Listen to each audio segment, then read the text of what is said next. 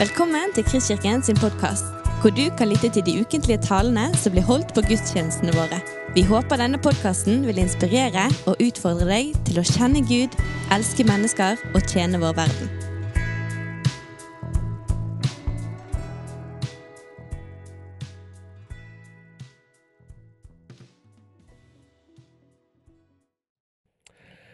Går egentlig mennesker glipp av noe når de ikke kjenner Jesus? Det kan virke rart å stille et sånt spørsmål mens man står i en kirke.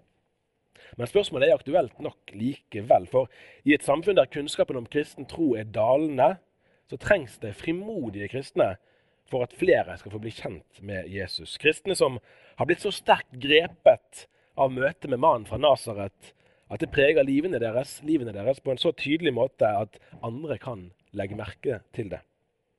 Og I dag står jeg overfor en av mange tekster som forteller oss så mye om hvem Jesus er. Dette er en tekst vi både kan og bør grunne på lenge og vel. Samtidig bør vi ikke nøye oss med å grunne på den. Dette er en tekst som bør tale til hverdagslivet vårt. En tekst der Jesus gir sine disipler noen viktige lærdommer som også vi kan ta med oss. Når vi leser de første versene i dagens tekst og ser på fotnotene eller på, fotnotene, eller på lenkene, avhengig av om vi leser på papir eller digitalt, så oppdager vi fort at teksten inneholder flere referanser til det gamle Israel og til Moseloven. Jesus var og er jøde, og han vokste opp i en jødisk kontekst. Hans siktemål var ikke å gjøre opprør mot jødiske lover, men å oppfylle disse. Det er kun mulig å forstå Jesus som verdens frelser hvis vi også forstår han som jødenes lovede Messias, redningsmannen som skulle komme. Derfor må vi òg benytte enhver anledning vi har til å understreke den nære forbindelsen mellom Jesus og mellom Guds utvalgte folk i Det gamle testamentet, både fordi det er riktig og etter Guds vilje at det ble slik, og fordi vi gjennom å lese om jødene også lærer så mye om oss sjøl. Dette er blitt ekstra aktuelt å understreke nå i den siste tiden. Ikke fordi vi skal stå her og henge ut verken NRK-programledere eller andre, men fordi den kristne kirke ikke kan eksistere uten jødene, uten Israel. Så når vi straks skal se at Jesu forhold til hans jødiske omgivelser òg var preget av turbulens, forsiktig sagt, så må vi aldri glemme at det var sine egne han irettesatte. Dette var en jøde som overfor andre jøder viste hvordan de skulle følge Guds vilje. Dette var en jøde som ville vise sine medjøder hvordan Gud ville at de skulle leve livene sine. Man kan lese teksten som et generelt oppgjør med lovlydighet, eller som et forsvar for en allmenn pragmatisme eller fleksibilitet. Altså at det er riktig å følge sabbatsreglene bare til et visst punkt. Men det er egentlig ikke det som er budskapet i teksten vår. Jesus anbefaler ikke noe sted disiplene sine å ta lett på feiringen av sabbaten. Derimot viser han hvordan man kan feire sabbat på en enda bedre måte, mer i tråd med det opprinnelige utgangspunktet. Vi deler dagen 62 og leser først fra Markus kapittel 2, vers 23 til 28. En gang gikk Jesus langsmed kornåkrene på sabbaten. En gang så begynte disiplene å plukke aks der de gikk. Da sa fariseerne til ham, Se der, hvorfor gjør de det som ikke er tillatt på sabbaten? Han svarte, Har dere aldri lest hva David gjorde den gang han var i nød og både han og, og mennene hans sultet? Han gikk inn i Guds hus den gang Abiata var øverste prest, og spiste skuebrødene som ingen andre enn prestene har lov til å spise. Han ga også til dem som var med ham. Og Jesus sa til dem, sabbaten ble til for mennesket, ikke mennesket for sabbaten. Derfor er menneskesønnen herre også over sabbaten. Det første verset i dagens tekst viser indirekte til en forordning som vi finner omtalt i 5. Mosebok 23. Der leser vi i vers 24 at når du kommer inn i en annen manns vinmark, kan du spise så mye druer du vil til du blir mett, men du må ikke sanke i spann. Når du kommer inn på en annen manns kornåker, kan du plukke aks med hånden, men sigd må du ikke bruke på en annen manns korn. Så Jesus oppfordrer altså ikke disiplene sine til å ignorere eiendomsretten og begå alminnelig tyveri. Men han fremhever at man skal kunne spise seg mett, og dermed at vi har et solidarisk ansvar overfor hverandre. Så når fariseeren i vers 24 refererer til de ti bud i andre Mosebok 20, der det heter bl.a.: Husk sabbatsdagen og hold den hellig, så er ikke det helt feil det de sier, men det er ikke helt rett heller. For Jesus og disiplene holdt sabbaten hellig, men ikke sånn som fariseerne syntes at de burde gjøre det. Akkurat det ser jevnt over ikke ut til å plage Jesus nevneverdig. Han viser til skuebrødene som skulle skiftes ut hver sabbat, og som da kunne spises av presten, og peker på en lovlig adgang til å gjøre det de gjorde. Så er det en side som blir stående kanskje mer enn det meste annet fra denne teksten, nemlig at sabbaten ble til for mennesket, ikke mennesket for sabbaten, i vers 27. Men det sier Jesus minst to ting. For det første avviser han fariseerne sin strenge tolkning av sabbatsbudet. De hadde ikke noe tolkningsmonopol. Menneskesønnen er herre over sabbaten. Men Jesus sier òg at sabbaten ble til for mennesket. Altså understreker han at sabbaten er et gode, ikke et onde. Så kommer vi over i kapittel 3 og leser fra vers 1 til 6. Han gikk igjen inn i synagogen. Der var det en mann med en hånd som var visnet. Og de holdt øye med Jesus for å se om han ville helbrede mannen på sabbaten, så de kunne reise anklage mot ham. Men han sa til mannen med den visne hånden, reis deg og kom fram. Så spurte han dem, hva er tillatt på sabbaten, å gjøre godt eller å gjøre ondt, å berge liv eller å ta liv? Men de tidde. Da så han på dem som sto omkring, harm og bedrøvet over at de hadde så harde hjerter, og sa til mannen, rekk frem hånden. Mannen gjorde det, og hånden ble frisk igjen.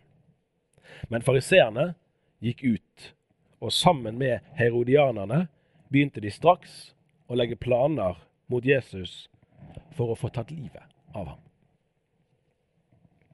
Så her møter vi altså en mann med en hånd som ikke virket helt sånn som han skulle. Og spør spørsmålet var om Jesus kom til å gjøre noe med det. Ut fra vers 2 kan det virke som at Jesus hadde opptrådt provoserende på sabbaten før, siden noen av folkene holdt øye med han for å se om han ville gjøre noe som de seinere kunne anklage ham for. Og så stiller Jesus et viktig spørsmål. Hva er tillatt på sabbaten? Å gjøre godt eller å gjøre ondt? Å berge liv eller å ta liv? I Matteusevangeliets eh, parallellfortelling bruker Jesus et konkret eksempel i eh, kapittel 12 vers 10 der. Om en av dere har en eneste sau, og den faller ned i en grøft på sabbaten, vil den ikke da gripe tak i sauen og dra den opp? Underforstått ville de ikke vente til neste dag med å dra sauen opp. I Lukas 15, 16 kaller Jesus synagogeforstanderen og hans allierte for hyklere, og spør løser ikke hver eneste en av dere oksen eller eselet fra båsen også på sabbaten og leier dem ut så de får drikke? Så Jesus ble anklaget for å ikke holde sabbaten, men det var nettopp det han gjorde. I Jakob 1, 27 leser vi en gudsdyrkelse som er ren og feilfri for Gud vår Far, er å hjelpe enker og foreldreløse barn i deres nød, og ikke la seg flekke til av verden. Jesus lar seg ikke hindre av at de fulgte med på ham og var ute etter å sette ham fast. Han kunne valgt å ligge lavere. Det gjorde han ikke. Han kalte denne mannen til seg og gjorde han frisk. Så fikk fariseerne heller bli støtt. Det hindret ikke Jesus. For det var noe som var viktigere, nemlig å ta vare på et medmenneske i nød. Men som vi ser mot slutten av teksten, dette gikk ikke upåaktet hen. Hva sier denne teksten oss om Jesus? Tenk så fascinerende det må ha vært å være Jesu følge. For et menneske. Undergjører, provokatør, urokråke, velgjører, hjelper. I dagens tekst er han mer opptatt av å hjelpe mennesker enn å følge de religiøses konvensjoner. Det burde vi også være. Han bryter ikke med Guds vilje, men viser hvem Gud virkelig er. Han setter tingene i sitt rette perspektiv på den måten at han skjelner mellom det viktige og det viktigste. Ja, det er godt for mennesket å feire sabbat. Det er godt for mennesket å ha en hviledag. Men Guds rike blir også synliggjort ved at vi hjelper dem som trenger hjelp, selv om det er sabbat. For ved å gjøre godt minner vi hverandre om hva sabbaten dypest sett peker mot, nemlig det evige liv, den evige hvile. Hva sier teksten om hva Gud vil gjøre for oss? Han bryr seg om oss. Enten det gjelder at vi er sultne, eller at kroppene våre ikke fungerer slik de skal. Det betyr ikke at vi har noen garanti om lykke og velstand her og nå. Slett ikke. Det viktigste uttrykket for Guds frelsesplan finner vi på det stedet Jesus sa at han ville gjøre i stand for sine. Det stedet vi vet veien til, selv om ingen av oss har vært der, fordi Jesus sjøl er veien dit. Men på veien dit får vi også møte Guds rike i form av tegn og undere. Hva sier teksten oss om menighetens oppdrag i verden? Jesus prøvde ikke å innfri alle forventningene omgivelsene hadde til ham. Han hadde sin egen timeplan, så å si. Men vi finner ingen eksempler i Det nye testamentet der han sa det passer ikke, kom tilbake innenfor kontortiden i morgen. Selv om det var sabbat. Guds barmhjertighet er ikke regulert av arbeidstidsbestemmelser. Det er tillatt å gjøre godt på sabbaten. Det er tillatt å berge liv på sabbaten. Sabbaten er som nevnt dypest sett et tegn på den evige hvile, på løftet om et nytt sted der Guds rike blir fullendt. Så når Jesus gjorde folk friske på sabbaten, så ble det et tegn på det som skal komme. Så snarere enn å ikke holde sabbaten hellig, var det det motsatte han gjorde. Jesus holdt virkelig sabbaten hellig. Da min kone og jeg skulle få vårt eh, mellomste barn, så var det noen komplikasjoner som gjorde at vi måtte ha et planlagt keisersnitt. Datoen ble satt et antall dager før termin, og legen ga klar beskjed. Hvis fødselen kom i gang før det tidspunktet vi hadde avtalt, så måtte vi komme oss til kvinneklinikken uten opphold. Hun sa det forsiktig og avslappet, men det var likevel et alvor bak ordene 'uten opphold'. Det kunne være alvorlig fare for både mor og barn hvis ikke. Så om fødsel begynte, måtte ingenting komme i veien, uansett når det skjedde og hvor vi befant oss. Det gjaldt å berge liv. Det er en lignende holdning vi møter i teksten. Og så avsluttes teksten med et av de mange versene i Det nye testamentet som vi leser, men som vi ikke så ofte dveler veldig mye ved, tror jeg. For her førte altså Jesu velgjerninger til at motstanderne begynte å utvikle drapsplaner. Så fanget var de i sin egen religiøsitet. Da må vi våge å spørre oss sjøl hvordan står det til med vår indre fariseer? Står vi i veien for Jesu velgjerninger fordi vi har våre egne forestillinger om hvordan ting bør gå for seg? I en salme av Vidar Christensen synger vi at når ordets nøkler åpner en lukket hjertedør, går vi et skritt til siden, slik at Jesus slipper inn. Kontrasten er f.eks. presten i historien om den barmhjertige samaritan. Han som i sin misforståtte religiøsitet trodde at han tjente Gud best ved å gå forbi den skamslåtte. Så i stedet for å bli en kanal for Guds barmhjertighet, for Guds kjærlighet, så endte han i sin innbilte fromhet opp med å stå i veien for bildet av den sanne Guds barmhjertighet. Det er verdt å merke seg at mye av Jesu virksomhet på jorden skjedde i synagogen, og ikke så lite av den skjedde nettopp på sabbaten. Evangelienes forfattere ville tydelig vise at Jesus plasserte sin tjeneste midt i livet, midt i fellesskapet, når de kom sammen. Sabbaten hadde utgangspunkt i at Gud fullførte skaperverket, sånn som vi leser om det i første Mosebok, men sabbaten handlet òg om fremtiden. For den Gud som skapte, han skal skape igjen. Han skulle lage en ny sabbatshvile for sitt folk, leser vi i Hebreabrevet. Dermed står sabbaten som bilde, som symbolet på den nye gudsriketiden for den messianske tid som skulle komme. Men vi kan spørre med Reidar Paulsen, som har skrevet bok om Markus evangeliet. Hva hadde skjedd med sabbaten? Mennesker hadde tatt den til fange og gjort den til sin. Fra å være en gave til menneskene var den blitt til menneskers gave til Gud. Det ble dagen da de skulle demonstrere sin lydighet ved pinaktig oppfyllelse av alle de forskrifter de hadde laget. Gleden hadde blitt til plikt. Forvrengningen av sabbaten skjedde ikke ved en brå revolusjon, den skjedde umerkelig over tid. Og Så skriver Reidar noe nydelig og tankevekkende videre. Den levende, skjelvende, dirrende, tilbedende troens vandring ble til den selvsikre, religiøse vandringen, der vi bruker våre utleggelser av Guds ord til å holde den levende Gud på passe avstand. Uten at vi helt legger merke til det, lager vi oss vår egen Gud snillere og mer veltilpasset. Da har vi ham liksom under kontroll. Men skriver Paulsen. Den ånd som skulle fylle menigheten med ild og kraft, med legedom og frelse, med fred og kjærlighet og kraft. Han vil ha fritt rom. Han vil ta fatt i defensive menigheter som bøyer nakken under avkristningsåket og taper terreng mot de antikristelige krefter. Han vil ryste dem, kalle dem til bot og omvendelse, for så å gi deres hjertes øye lys, så de forstår, som vi leste om fra Efeserbrevet når vi ba sammen i sted. Så Derfor skulle vår bønn være at Gud må hjelpe oss til å holde sabbaten hellig.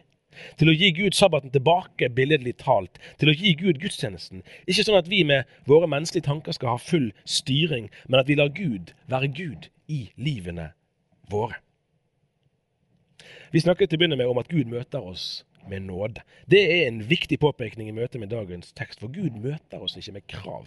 Heller ikke nå. Gudstjenesten er ikke først og fremst at vi skal tjene ham, men at han vil tjene oss. Reidar Paulsen skriver om hvordan Gud gir oss sabbaten tilbake, gledesdagen der vi jubler over Guds skaperkraft, og forventningsdagen der vi ser fram til den evige sabbat. Der Jesus er, der er den evige sabbat i gang. For Jesus bruker altså sin myndighet over sabbaten til å vise hva sabbaten virkelig er ment for, å gjøre godt og å berge liv, inklusiv våre liv. Så lenge vi er her på jorden, så får vi da tilhøre det moderne synagogefellesskapet, så å si. Enten vår indre fariseer er godt eller mindre godt skjult. Vi får tilhøre Guds menighet, den som Jesus innstiftet, og være medborgere i Guds rike. I dette riket er gudstjenesten på Herrens oppstandelsesdag et naturlig og umistelig midtpunkt. Enten bygget er stort eller lite, enten det er offentlig eller privat, om det er prangende eller enkelt. I dette bygget skal vi på en særlig måte kunne vente og finne Guds rike. Og Jeg siterer Paulsen siste gang. Hva var mer naturlig enn å helbrede syke i synagogen, samlingsstedet for Guds folk? Hvilken dag skulle passe bedre til helbredelse enn dagen til minne om Guds skapende kraft? I Det nye testamentet oppsøker Jesus synagogen på sabbaten igjen og igjen. Til oss, til sin menighet, sier han der hvor to eller tre er samlet i mitt navn. Vi skal få tro at Jesus er her i dag for å gjøre nøyaktig det samme som han gjorde før. Hva var det? Da det ble sabbat, gikk han inn i synagogen og underviste, leser vi i Markus 1, 21. Han bekreftet sin myndighet ved å drive ut onde ånder, helbrede og rense. Han tilga synd og lukket inn i Guds rike. Nå fortsetter Jesus sin gjerning gjennom sin menighet. Og det vil han gjøre ute i hverdagen, i hjemmene, på skolen, på arbeidsplassen, på gatene. Men han vil åpenbare seg på en spesiell måte, skriver Reidar, når vi kommer sammen. Han gikk inn i en synagoge. Der skulle han gjenreise Guds menighet og Guds dag. Så Derfor kan vi med fordel minne hverandre om budet der det heter 'Husk sabbatsdagen og hold den hellig'. Og så kan vi holde det sammen med Jesu ord om at mennesket er ikke til for sabbatens skyld, men sabbaten for menneskets, og at det å feire sabbat er en særlig anledning til å gjøre godt, fordi Gud er en god Gud som vil oss vel, og som vil møte oss med nåde. Amen. Du har lyttet til en podkast fra Kristkirken i Bergen. Vi håper du har blitt inspirert og utfordret i din vandring med Gud. Vil du vite mer om oss, så klikk deg inn på kristkirken.no.